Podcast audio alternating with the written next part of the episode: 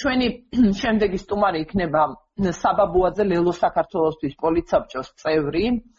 საინტერესო ასევე ლელოს გადაწყვეტილება, რადგან ლელო არის ერთ-ერთი პარტია ხელის მომწერი ამ შეთანხმებისა განსხვავებით ნაციონალური მოძრაობისგან.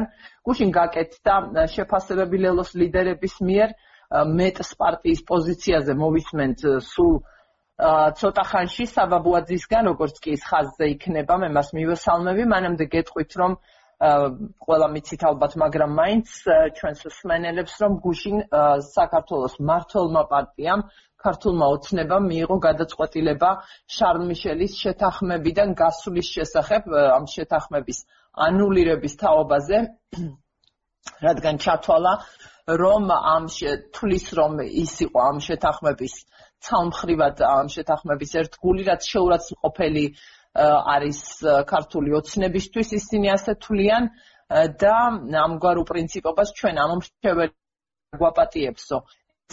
არის ერთ-ერთი განმარტება და ახსნა გადაწყვეტილების და ყოველში რაც გუშინ გასაჯაროვდა. და მე მივესალმები უკაცრავად. ლელო საქართველოსთვის პოლიცაბჭოს წევრ საბაბუაძე დილამშვიდობის ბატონო საბა.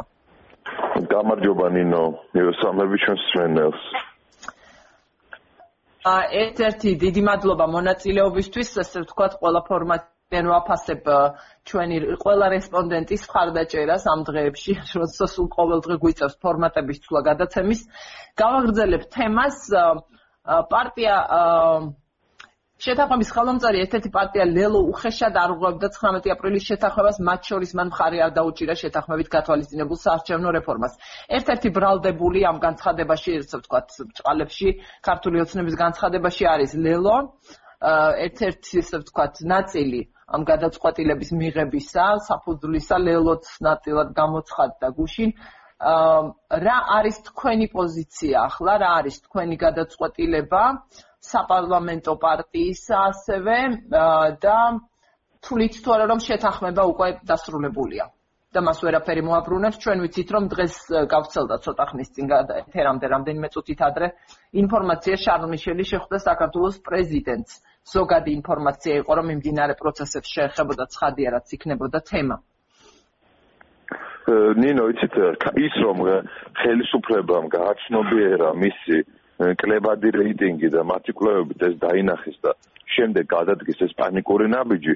არც ერთ შემთხვევაში არ წლის ამ ქვეყნის დღის წესრიგს და ჩვენი და პირველ რიგში ხელმომწერი პარტიების და სხვა პარტიებისაც ასევე დღის წესრიგი არის ქვეყანაში სტაბილური პოლიტიკური გარემოს შენარჩუნება და ზუსტად აი ამ სტაბილურ პოლიტიკურ გარემოს უპირისპირდება ქართული ოცნება ამ შეთანხმების ანულირების მცდელობით. ახლა ესენი რა სიტყვიან ამას მე ვფიქრობ რომ არსებითი მნიშვნელობა ამ ვითარებაში არ აქვს, იმიტომ რომ არავის ქონდა ბოლოდინი რომ ეს ხალხი პირნათლად შეასრულებდა ამ ვალდებულებას, მათ იძულებით მოუწიათ ამ ხელშეკრულებაზე ხელის მოწერა და ახლა ყველა ტრუკი გამოიყენეს, როგორც მათ თანფუძნებელს უყურს იმისათვის, რომ რამენაერად ვალდებულებას თავი არიდონ.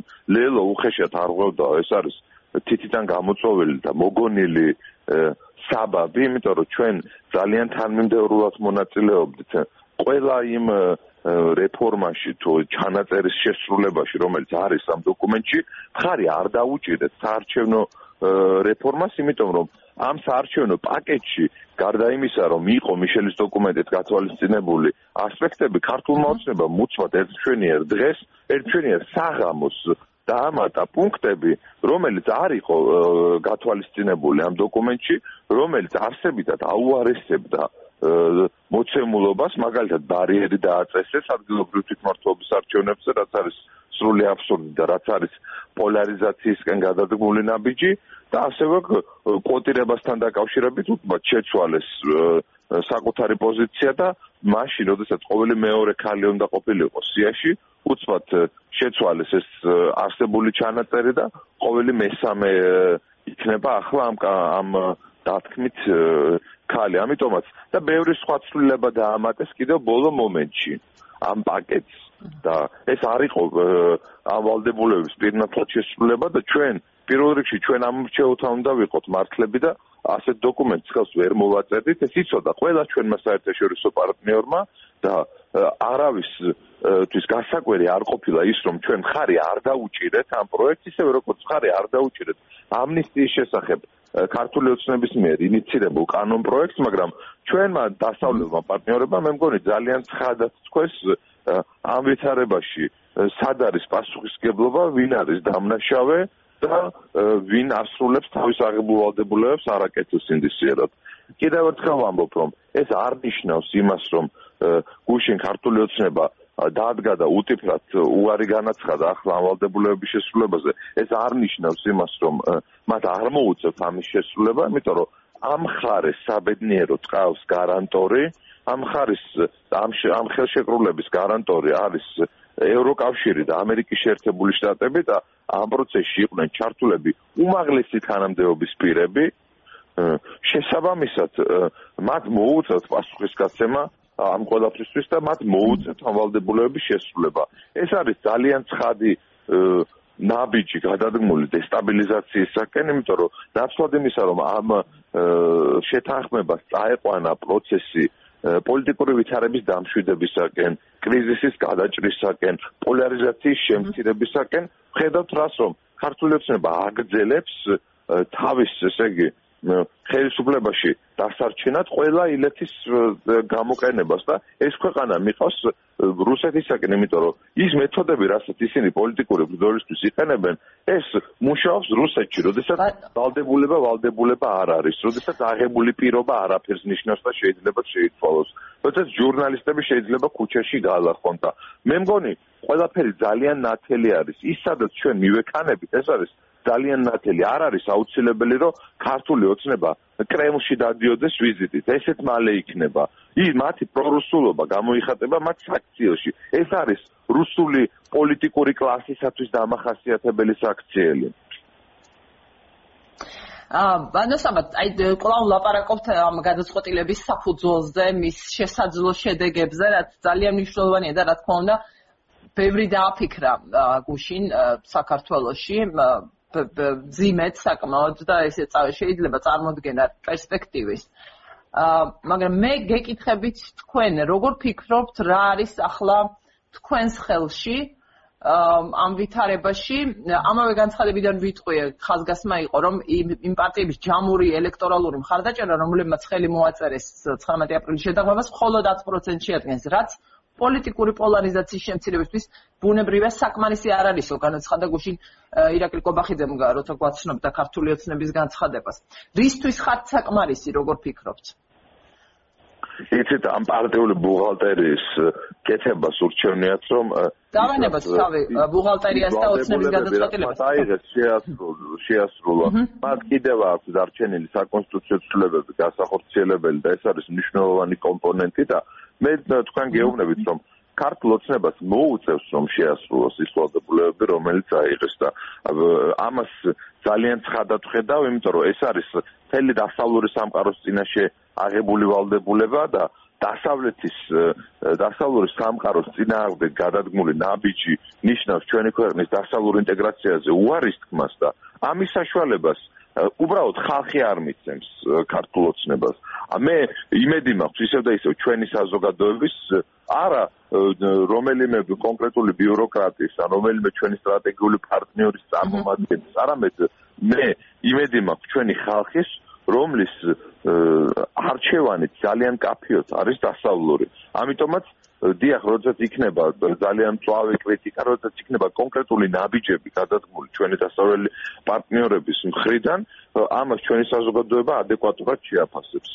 და ის რომ ქართულოცნებას მოუწევს ვადამდელი არჩევნების დანიშნა, ეს ჩემთვის ძალიან ცხადი არის. ამიტომაც ჩვენი მთავარი ჩვენი მთავარი თვითმართველობის არჩევნების შემდეგ იქ დიახ, ზანე დიახ, თვითმართველობის არჩევნების შემდეგ რომ მე არ გამორიცხავ რომ ეს ქართულმა ოცნებამ ისე წაიყვანოს საქმე რომ ძალიან მალევე მოხდეს ადგილობრივი არჩევნების შემდეგ ვადამდელი არჩევნების დანიშნა მაგრამ ეს არის ჩემთვის ძალიან ცხადი რომ ვადამდელი არჩევნები აუცილებლად იქნება ამ ქვეყანაში. როგორც არ უნდა უნდადეს ქართულ ოცნებას რომ ვადამდელი არჩევნები არ ჩატარდეს და მე დარწმუნებული ვარ ასევე იმაში, რომ ეს ნაბიჯი მათ გადადგმეს, გადადგეს იმისათვის, რომ მოახდინონ ამ მომრჩევლის დემოტივაცია. პირველ რიგში ოპოზიციურად განწყობილი ამ მომრჩევლის დემოტივაცია მოახდინონ და ათქმევინონ ხალხს, რომ აი ამ პირობასაც არ ასრულებენ და არჩევნებზე მისვლას რა არდი აქვს. ამიტომაც ჩვენი მთავარი ამოცანა ახლა უნდა იყოს და იქნება მოტივაცია მომრჩევლის საზოგადოება რომ არჩევნები აუცილებლად ჩატარდება და მას აუცილებლად მოყვება შესაბამისი შედეგი და დიახ, ამომრჩევლის мотиваცია მნიშვნელოვანი არის. მაშინ როცა ივანიშვილი აკეთებდა ყველაფერს ამ წლების განმავლობაში თუ აი რამე შეგვიძლია ზოგადად ზოგადი კონტური მისი მართლობის გამოუკვეთოთ არის ის რომ ის პოლიტიკურ პროცესს აუქმებდა ამ ქვეყანაში მიზანმიმართულად როგორც პოლიტიკური პროცესი მაგალითად უკრაინის ნარინჯისფერი რევოლუციის მერე გაუქმდა უკრაინაში და მოხდა რაღაცნაირად ოლიგარქიისათვის ქვეყნის მართვის გადაბარება, ასეც მიზან მიზანმიმართულად პოლიტიკური პროცესის მოგუდვა ხდება საქართველოში, რომ ივანიშვილთან და კიდე რამდენიმე ადამიანთან დაკავშირებულმა ფინანსურმა ჯგუფებმა აწარმოონ ამ ქვეყანაში რაღაც კონკრეტული პროცესები. ამიტომაც ჩვენ პოლიტიკური პროცესის მიმართ უნდა დავაბრუნოთ რწმენა, ეს არის ჩვენი ვალდებულება, როგორც პოლიტიკოსების, როგორც მოქალაქეების, რომ ხალხს უთხრათ, რომ არჩევნებს აქვს აზრი, არჩევნები არის დემოკრატიისთვის ყველაზე მნიშვნელოვანი ინსტრუმენტი და ამ ინსტრუმენტის გამოყენებით უნდა ვაჩვენოთ, რომ ცვლილებები არის შესაძლებელი. აი ამ ზღვა არ გადასულ ცინიზმს უნდა დაუპირისპირდეთ სწორედ ამით. ნოსაბა, რა ინფორმაცია გაქვთ კონსულტაციების მიმდინარეობაზე დასავლელ პარტნიორებთან ლელოს სასკულის ხომ? კი, ჩვენ უკვე გუშინ გქონდა საუბარი ყველა ჩართულ მხარესთან, როგორც ამერიკის შეერთებულ შტატებთან, ისე ევროკავშირთან, ბატონი მიშელის წარმომადგენლებთან და ეს კონსულტაციები დღესაც გაგრძელდება. აა სამეფო საზოგადოება გაიგებს ჩვენი პარტნიორების ადეკვატურ რეაქციას. არ უნდა გქონდეს მოლოდინი, რომ ეს განცხადებები გაცდება რაღაც დიპლომატიურ საზღვრებს, ეს ასე არ იქნება ნამდვილად, განცხადებები იქნება ძალიან მწვავე, მაგრამ ამ განცხადებებს რასაკვირველი აქვს თავისი ენა, მაგრამ მე მაქვს მოლოდინი, რომ ამ განცხადებებს მოყვება კონკრეტული ქმედებები. ეს ქმედებები იქნება ძალიან ცხადი და ერთხელ და სამუდამოდ დასრულდება ამ ქვეყანაში საუბარი იმაზე, რომ ქართული ოცნება არის პროდასავლური ძალა. მათ მე მგონი გუშინ თავად განაცხადეს, რომ ისინი არ არიან პროდასავლური პოლიტიკური ძალა და უახლოესი პერიოდი იქნება ამისი ძალიან კაფიო დადასტურება, რომ ეს არ არის პროდასავლური პოლიტიკური ძალა. პროდასავლური პოლიტიკური ძალები ვერაფერი შვება იქნება. ევროკავშირის საბჭოს თავმჯდომარეს ასე არ ატირავებენ ბოდიში ამ სიტყვაზე.